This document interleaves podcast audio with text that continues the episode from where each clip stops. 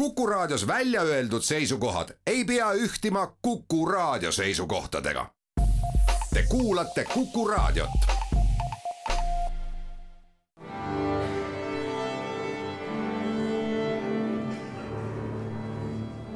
daamid ja härrad, Eesti Kontserdi saade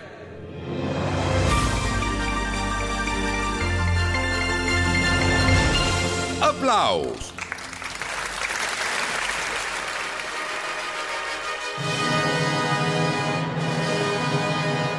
Ülestõusmisnädala kolmapäeval. Ei saa muusikasaates rääkida palju muust kui selleteemalistest muusikasündmustest. juba alates homsest erinevates Eesti linnades ligi kakssada muusikut ja Giuseppe Verdi Requiem. sellest tuleb juttu, saade on Applaus, mina olen Lauri Aav, tere kõigile ka see projekt on üks pikalt õhus olnud suuri plaane ja kui ma ei eksi, on ka neid kontserte erinevatel pandeemilistel põhjustel varasematel aastatel üksjagu edasi lükatud. nüüd siis lõpuks Verdi Requiem nii Tallinnas, Tartus kui Pärnus juba sel nädalavahetusel. proovid on erinevates linnades käimas juba nädala algusest, sest koosseisud on tõesti suured ja rahvusvahelised. solistide roll on selles teoses väga oluline, seega on hea meel sellise uhke koosseisu üle.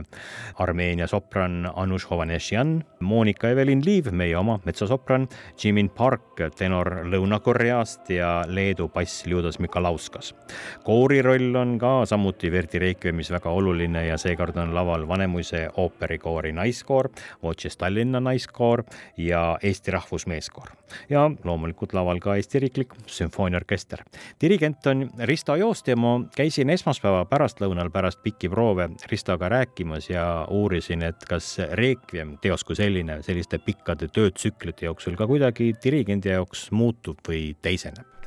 no ma arvan, et see on loomulik osa protsessist ja ega, ega tegelikult ju ükski teos ei saa kunagi valmis, ta on, ta on mingisuguses äh, arengufaasis ühel või teisel perioodil ja, ja tegelikult mõjutab väga see vahepealne peri-, periood, kui selle teosega ei tegele, et mis, millised impulsid siis tuleb ja tulevad ligi ja, ja millist repertuaari saab vahepeal äh, juhatatud ja, ja ja mängitud, äh, see väga mõjutab hilisemat äh, uuesti interpreteerimist, nii et see on hästi huvitav kogemus ja, ja sellise, sellised lood nagu Verdi Requiem, noh, need, need vajavad rasva.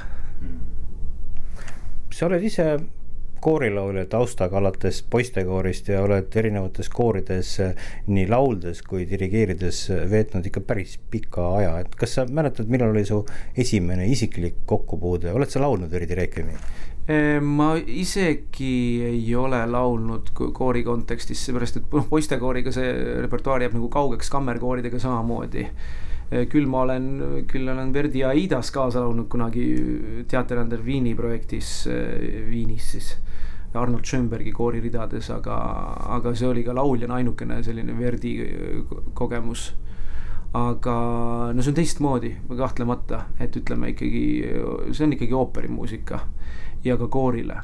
ja samal ajal on ta koorile kirjutanud väga nõudlikud äh, järgnevused äh,. tõesti väga nõudlikud järgnevused ja, ja solistidele on, on see, see on ikkagi selline äh, Rene Eespere Prima Vista äh, vihik peab olema läbitud selleks, et siin puhtalt intoneerida ja, ja see on, see on hea väljakutse, et Verdi Requiemi esiettekanne Milanos oli San Marco kirikus ja see oli nii palju nagu laineid löönud sündmus tol ajal, et, et kohe pärast seda publiku ja ühiskonna suurel nõudmisel organiseeriti kolm lisakontserti Milano La Scalas ja siis mindi kohe Euroopa tuurile, see kõlab kõik väga tänapäevaselt.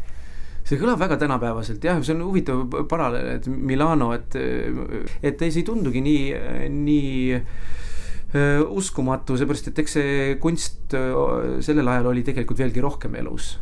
et kõik, mis loodi, kohe oli, huvi oli ju meeletu, sest sa ei saanud kuskil järelkuulamisvõimalust ei olnud.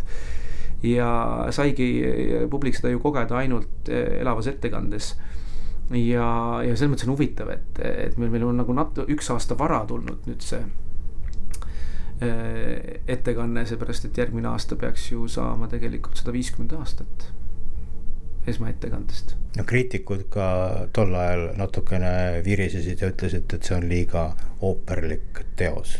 kas siin on mingi seos äh, sinu kui Vanemuise ooperiteatri muusikajuhiga, et, et see sind kõnetab? No ma korraks tuleks veel selle võrdluse juures äh, tagasi ka äh, tegelikult selle Trento kirikukogu ja kui kunagi äh, räägiti Palestriinast, et kas Palestriina on nagu, on kirikusse sobib heliloojat ja kuna ta kirjutab liiga polüfoonilist muusikat ja, ja see tekst ei tule nii-öelda esile, siis ma arvan, et see, see konservatiivne lähenemine on olnud ju, ju Itaalias ja, ja mujalgi maailmas ju pikka aega kestev ja, ja igasugune selline uuendus vajab natukene aega, et ta et ta sulaks äh, kokku publiku taju ja, äh, ja, ja esitajate ja helilooja vahel muidugi äh, noh, minule selles mõttes on ooperimuusika jah, iga, igapäevane ja kahtlemata on see teos meeletult kantud ooperlikust traditsioonist ja, ja tegelikult ka vormistruktuuri mõttes ja, ja minu arust on suurepäraselt üles ehitatud. ja selles mõttes ta on jah, nii nagu praegu paljud on öelnud nii-öelda sak-, sakraalne ooper. aga samal ajal on ikkagi see sakraalne seal domineeriv, sellepärast et see, et see, et ooperi heliloojad, see oli ka ju äh, sellel ajal traditsionaalne, kõik kasvõi Puccini või, või Rossini või ne, kõik nende missad, äh, ka, ka sellised dramaatilisemad tekstid seal ütleme kasvõi Kiiried ja Anjus Teid kõlasid nagu ooperiaariad või, või duetid või, või selli-, selles vaimus, ehk, ehk siis see oli väga nagu elus ja ja, ja, ja lavaline muusika. ma arvan, et Verdi Requiemiga on natuke sama ja seepärast seda tihti ka ju teatrites ja kontserdisaalides esitatakse. kui nii lihtsalt, mis sind kõige rohkem võlub selle juures, selle teose juures?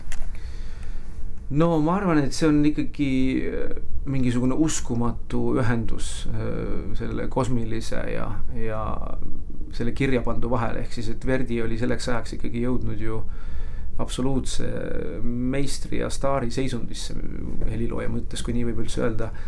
ja, ja see puudutus, mis tal, mis tal on, kasvõi seal avataktid ja noh, need on lihtsalt see on lihtsalt geniaalne muusika, see puudutab igat inimest, see puudutab igat inimese rakku, see muu-, jah, vot võib-olla see, mis on hea paralleel tegelikult, see on nagu Mahleri teise sümfooniaga sama, muusika võtab öö, kontrolli üle, ehk siis inimene võib saalis mõelda ükskõik milliseid mõtteid, aga tal puudub kontroll öö, selle olukorra üle, sest et muusika enda öö, dünaamika ja sise, sisemine jõud on nii domineeriv et sa ei saa muule keskenduda kui ainult sellele muusikale.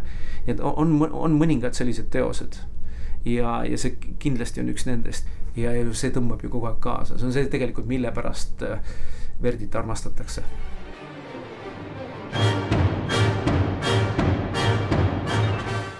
Verdi Requiem homme Pärnu kontserdimajas, reedel Estonia kontserdisaalis ja laupäeval Vanemuise kontserdimajas Tartu linnas.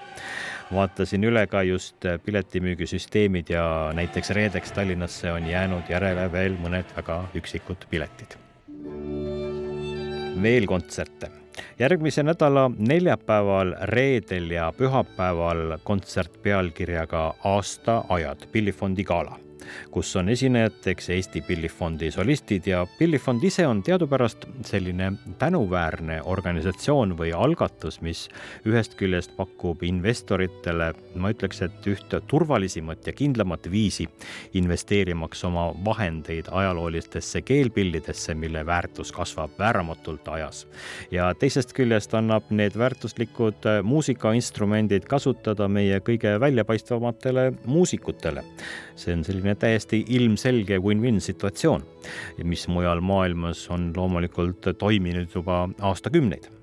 Meil mängivad pillifondi pillide kasutajad Hans Christian Aavik, Mari Poll, Gloria Ilves, Katariina Maria Kits, Kaia Lukas, Sandra Klemaite, Regina Udod, Reinu Tepp, Johanna Vahermägi, Theodor Sink, Vale Rasmus Roots, Greta-Julia Heikila Soomest ja Gustav Roomark ja Ariane Jepsen Olstad Norrast ja kirsiks tordil on selle kontserdi kava ehk siis teosed, mis kõlavad ja need on Vivaldi aastaajad ja Piazzolla Buenos Airese neli aastaaega.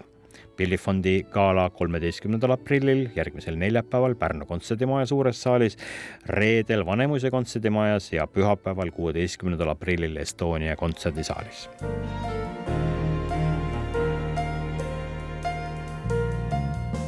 Neljapäeval, kolmeteistkümnendal aprillil, järgmisel neljapäeval Estonia kontserdisaalis on veel üks kontsert, järjekordne öökontsert, kus on seekord laval Janno Trumpi Clarity Ensemble. See on helilooja ja bassimängija Janno Trumpi värske muusikaprojekt, mis viib kokku karge põhjamaise helikeelega džässtrio, kus lisaks Jannole veel laval Joel Remmel ja Ramold Tahvenau ja keelpillikvarteti koosseisus Linda Anette Verte, Mari-Katrina Sussan, Mäekivi ja Andreas Lend. ja see kõik on väga paljuski improvisatsioonilise ja klassikalise muusika ühisosa otsimine ja seega sobib see hilisõhtusesse Estonia kontserdisaali otse kui valatult. kõik järgmisel neljapäeval kell üheksa õhtul ja enne kui lõpetame, kaks natukene kaugemat uudist, mida juba järgmise nädala saates kindlasti valgustame. Hugo Ticciati, inglise päritolu Rootsis elav viiuldaja ja dirigent ja tõeliselt tänapäevane klassikakontserdi mõtte ja vormi avardaja tuleb ja teeb kontserti koos Eesti Riikliku Sümfooniaorkestriga Hugo enda festivalile O Modernt sarnase kontserdikavaga, kus kõik teosed on omavahel seotud ja jutustavad otsekui üht suurt lugu Hildegard von Bingeli Vos Flores Rosarum, Arvo Pärdi Fratres, John Taveneri Mother of God, Here I Stand, Peteris Vasksi Üksildane ingel, Albert Schnelzeri African Burbank, Tobias Broströmi Samsara kontsert viiulile, marimbale ja orkestrile, need on kõik kavas ja lisaks Ersole ja Hugo Ticciatile on laval veel Johan Bridger, marimba virtuoos Rootsist, kammerkoor Collegium Musicale ja Eesti Riiklikku Sümfooniaorkestrit dirigeerib Andres Kaljuste kõik see reedel, kahekümne esimesel aprillil Estonia kontserdisaalis tõesti väärt kontsert. ja veel tähelepanu, sellele järgneval laupäeval ehk siis kahekümne teisel aprillil Estonia kontserdisaalis kell kaksteist päeval on veebruaris toimunud ja totaalselt välja müüdud ETV lastelaulude lisakontsert telepoiss oli kontserdi pealkiri siis ja on ka seekord ja osalisteks seal on Estonian Voices ja muusikalikool. tipp ja täpp, Leopold ja hunt Kriimsilm ja Mõmmi ja kogu see ajalooline lasteekraani seltskond see oli väga tore kontsert veebruaris ja kõik, kes pole näinud, kiirustage, sest kõik, kes nägid, need tahavad kindlasti uuesti seda vaatama tulla. meie kohtume siin kahe nädala pärast, kõike paremat